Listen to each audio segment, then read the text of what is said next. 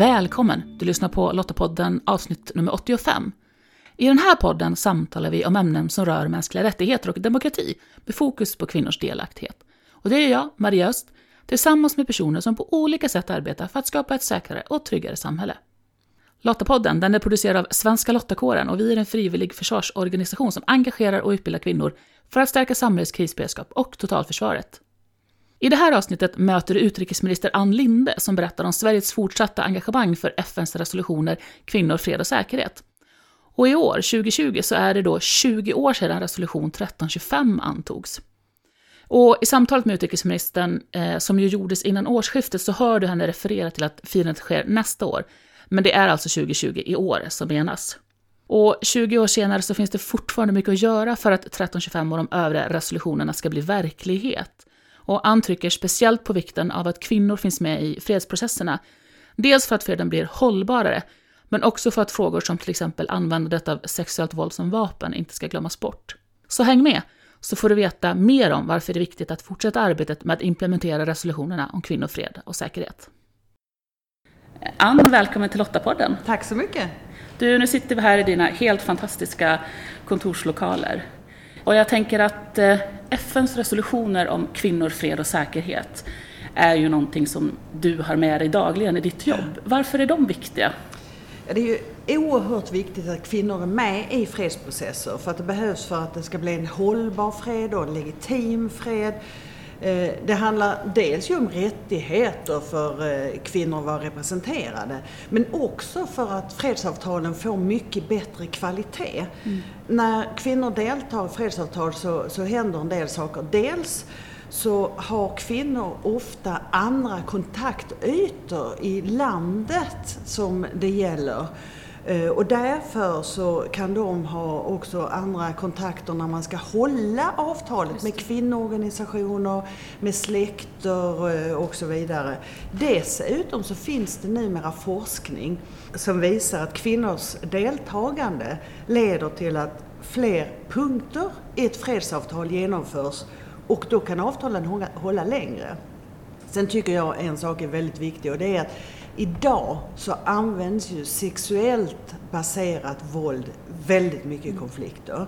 Om kvinnor inte är med, då kommer ofta inte detta med som en del i eh, fredsavtalet. Så att man eh, riskerar att få eh, en ansvarsfrihet för de som har utövat våldet i, det sexuella våldet i konflikten. Det tycker jag är en jätteviktig sak. Och arbetet med resolutionen, att få med dem, precis som du säger, i alla avtal, i alla eh, aspekter utav FNs arbete också, var ju någonting som Sverige jobbade hårt för när vi var invalda som extra medlem i säkerhetsrådet. Hur upplever det, du att det arbetet har tagits vidare? Ja, alltså den, så att säga, resolutionernas resolution, det är ju 1325. Eh, som, och man känner man inte till någonting annat så känner man till den. Eh, och den firar ju 20 år nästa år, den antogs ju år 2000. Sen har man tagit flera andra resolutioner på samma tema. Vissa har haft fokus på kvinnors ledarskap, andra har haft fokus på eh, deltagande i fredsprocessen, andra på sexuellt våld i konflikt. Och det var faktiskt senast i oktober 2019 som man tog en resolution som handlade av att man ska genomföra allting. Det kan låta lite konstigt om man har en resolution, varför genomför man inte det? Eh, men det är faktiskt så att eh, bara för att man har tagit en resolution så betyder inte det att den alltid genomförs. Och det är en sak som jag har koncentrerat mig väldigt mycket på. Att det får inte bara bli ord på ett papper som sen politiska ledare kommer hem och eh, visar hurra vad vi är duktiga. Det måste genomföras och genomföras på marken. Och hur är tanken då att det här verkligen ska bli verklighet? Ja, eh, till exempel nu så har vi ju varje år en, eh, en eh, diskussion i FNs säkerhetsråd om kvinnor, fred och säkerhet. Jag koncentrerar mig den här gången inte på att få nya resolutioner utan på ledarskap, på genomförande och på ansvarsutkrävande. Eh, och då gäller det att man får med sig fler länder på eh, just de här sakerna. Eh, jag kan ta ett konkret exempel. För ungefär ett år sedan så bjöd Sverige in parterna i Jemenkonflikten för att se om man kunde komma vidare och kunna göra delar i ett eh, avtal för att komma närmare en fred i Jemen. Och då hade vi ju eh, väldigt noga sagt till att vi vill att kvinnor ska vara med när man skriver det här avtalet. Trots detta så ville ingen av parterna ha med kvinnor. Mm. Så då gjorde vi så att tillsammans med FN så bjöd vi in ett antal kvinnor till Sverige på samma ställe där förhandlingarna var. Och sen träffade både utrikesministern och FN-sändebudet och alla kvinnorna och fick deras synpunkter. Men kvinnorna fick tyvärr inte säga det själv till mm. parterna mm. utan då fick vi vara så att säga eh, go-between och, och, säga att det här tycker kvinnorna, det här behöver vi ha in. Mm. Målet är ju naturligtvis att kvinnorna ska sitta med runt bordet. Eh, men det var då en, ett första litet steg där, där, som handlar just om genomförande. Mm.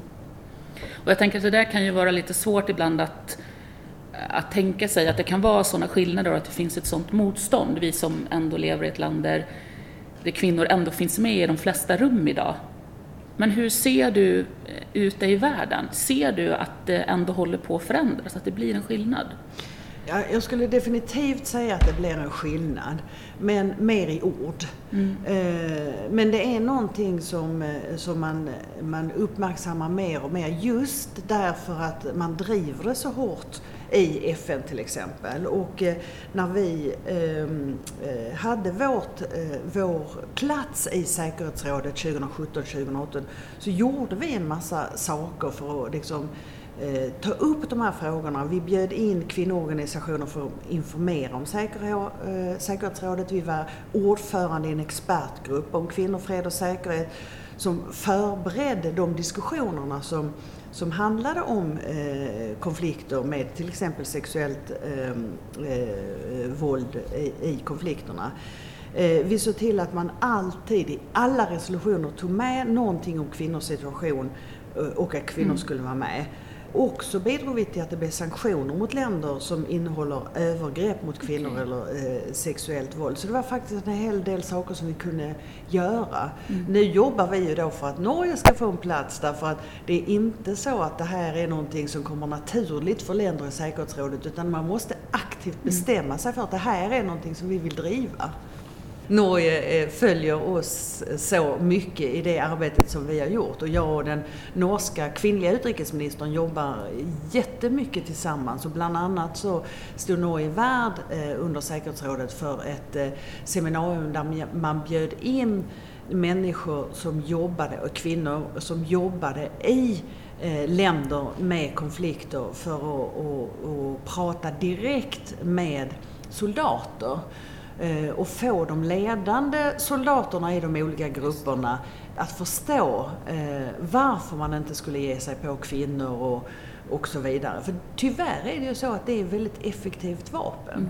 Jag kan säga en annan historia som är när, eh, senast när jag var i New York så så träffade jag, precis som jag alltid brukar göra, min före detta ministerkollega Åsa Regnér hon hade precis kommit hem från en resa i Nigeria och hon berättade då att eh, Boko Haram, eh, terroristgruppen, de har nu systematiskt börjat använda våldtäkter eh, mot befolkningen. Men det är inte bara en våldtäkt utan när våldtäkten är genomförd så skär de av ett öra. Eh, för att då eh, märka kvinnan. Då kommer kvinnan tillbaka till sin by och eh, eftersom hon då är utsatt för en våldtäkt och det beviset är att hon inte har ett öra så kan hon bli utstött från, från eh, bygemenskapen och det kan vara hela livet. Det är en sån utstuderad grymhet riktad just mot kvinnor. Mm. Och precis som du säger att, att eh, att man använder kvinnan som ett medel till att någonstans slå sönder ett helt samhälle. Och jag tänker att det måste ju vara jättesvårt att verkligen nå fram och lösa de här konflikterna. Men hur, hur jobbar FN då för att någonstans försöka? Ja, det väldigt viktiga det är ju att eh, eh man går ut och jobbar i fält också. Mm. Där, där har vi många exempel på hur Sverige och FN har jobbat tillsammans. Eh, till exempel i Afghanistan. Eh, där har Sverige utbildat kvinnliga medlare i olika provinser. tillsammans med FN eh, så, vill vi öka kvinnors deltagande i freds, det, som kallas Höga fredsrådet i Afghanistan. Ehm, I de politiska processerna, i fredsförhandlingarna. För det är fortfarande i Afghanistan väldigt svårt för kvinnor. Eh, det är särskilt eh, viktigt nu när det kommer fredssamtal där talibanerna är och det känner ju varenda människa till vilken förfärlig kvinnosyn de har. Att kvinnor får vara med och där måste vi jobba tillsammans på marken i Afghanistan. Man kan säga i Sudan, det är, tycker jag, är ett väldigt bra och det är ett eh, positivt exempel för där hade vi en president som hade suttit vid makten i 30 år kvinnor och ungdomar eh, ledde protester som ledde nu till att eh, han fick avgå. De har en ny civil övergångsregering. De har en kvinnlig eh, utrikesminister, jag har träffat henne ett par gånger. Och premiärministern som jag också har träffat och tagit upp kvinnors roll och han har sagt att det är viktigt för mig. Jag vill att kvinnor ska vara med i det här för det kommer inte bli hållbart med Eh, den nya demokratiska styrelsen i Sudan om inte kvinnorna är med. De unga kvinnorna de är väldigt missnöjda med att de inte finns representerade ännu mer i olika kommittéer och så vidare. Jag träffade en av de här eh, unga kvinnorna, var helt fantastisk. Eh, hon är 22 år och hon blev så att säga en ikon eh, en, en, eh, symbol för eh, de här demonstrationerna. Och hon var inbjuden till FNs säkerhetsråd för, för att tala. Egentligen var hon arkitekt men hade tänkt att nu räcker det. Nu måste vi få ett nytt demokratiskt styre i Sudan. Och att stödja de här, och, och både från Sveriges håll och från FNs håll, på plats. Det är något av det viktigaste vi kan göra. Och vad härligt att höra positiva ja. exempel, att det inte bara är tråkigheter och att vi får kämpa, men att det faktiskt händer saker. Mm. Och som du nämnde så firar ju resolutionen 20 år. Vad önskar du framöver, de kommande 20 åren? Vad skulle du vilja se händer? Ja, det jag skulle vilja se det är att eh, eh man inte bara pratar. Mm. Det blir lite så att jag märker på en del eh, framförallt manliga eh, regeringschefer och utrikesministrar och sådär att det har nästan blivit så att eh, man liksom, ja, och vi tänker också på jämställdhet. Mm. Eh, och så säger jag, men vad har de gjort då? Mm. Och när man då liksom går ett steg längre, inte bara så här, stödjer ni de här olika resolutionerna? Ja, säger de flesta nu för tiden. Mm. Vad har ni gjort då? Mm. Har ni sett till till exempel nu som, ja som Sverige bekostar nu en jämställdhetsexpert i Sudans nya regering. Mycket konkret vad, vad har ni gjort? Mm. Eh, ni har varit med och medlat i den här konflikten. Såg ni till att det kom kvinnor till, den här, till de här fredssamtalen? Uh, och tyvärr är det ju så att uh, om man borrar lite mm. längre i samtalet så, så ser man att det är mycket kvar att göra. Mm. och man kan se nu i det, det, det, är nu en norsk eh, person som har tagit över som FNs speciella sändebud för Syrien. Eh, tidigare var det en svensk-italienare, Staffan de Mistura, nu, Mistura, nu är det en norrman, Ger Pedersen. Att där var vi då flera under så att säga där Sverige och Norge pressar på då som sa att det är den nya konstitutionella kommittén som ska jobba med ett nytt, eh, en ny författning för Syrien, då måste det vara med kvinnor. Och det är nu 150 personer, 30 procent är kvinnor. Och det tycker jag är ett sånt konkret positivt, men det kommer inte av sig själv. Mm. Ingenting av det här kommer av sig själv. Så du får fortsätta vara lite nagel i ögat på dem helt enkelt? Lång nagel, röd nagel. Tack så mycket Ann för att vi fick ta lite tid och prata om de här viktiga frågorna med dig. Tack så mycket, det här är väldigt viktigt. Så att, eh, jag är glad att du frågade om jag ville vara med. Ja, men visst har det hänt saker på de här 20 åren och Ann berättar ju en hel del positiva exempel. Men det är ju också tydligt att det finns mycket kvar att göra innan det är självklart att även kvinnor fullt ut får kliva in och ta plats i de fredsbyggande processerna. Och även om vi ofta tänker på andra länder när vi pratar om resolutionerna, i alla fall så gör jag det, så kanske det inte är helt fel att stanna upp och fundera på hur duktiga vi själva är att inkludera kvinnor i alla rum där makt hanteras. Vad tänker du själv kring det? Ja, länk till mer information relaterat till det vi samtalat om i det här avsnittet det hittar du på lottapodden.se.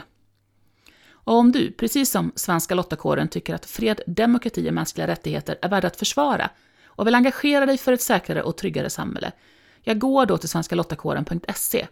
Där hittar du information om hur just du kan bidra. Nästa avsnitt av Lottapodden kan du lyssna på om två veckor den 23 januari. Och då möter du Daniel Jonsson som är forskningsledare på FOI. Vi, vi har börjat bli vana att höra det och det förekommer ofta. Det har förekommit i försvarsberedningens rapporter och det förekommer i, eh, i politiken. Men eh, ja, vad är det egentligen? Eh, ingen vet ju riktigt vad det är skulle jag vilja säga för att man har inte grävt djupare i det här. Jag tror många relaterar till det man förr i världen eh, associerade med försvarsvilja, det vill säga viljan att eh, försvara Sverige med vapen i hand. Mm. Eh, men idag tror vi nog att begreppet inrymmer betydligt mycket mer. Och en annan viktig fråga där vad gäller försvarsviljan det är också eh, och det här kan vara lite känsligt att säga. Många säger att försvarsviljan är viktig, men vet vi det egentligen? Vad vi är ute efter, tror vi då, eh, det är ju kanske ett försvarsstödjande beteende. Mm. Och vi tror att förutsättningen för det är att vi har en vilja att göra det. Så om du inte redan gör det, prenumerera gärna på Lottapodden för att säkerställa att du inte missar nästa avsnitt. Du hittar podden i Apple Podcast, på Podbean eller på Spotify. Och om du gillar Lottapodden, berätta gärna för andra om den och vi blir jätteglada om du lämnar en recension så att fler hittar oss. Och tack för att du lyssnar. Hej så länge!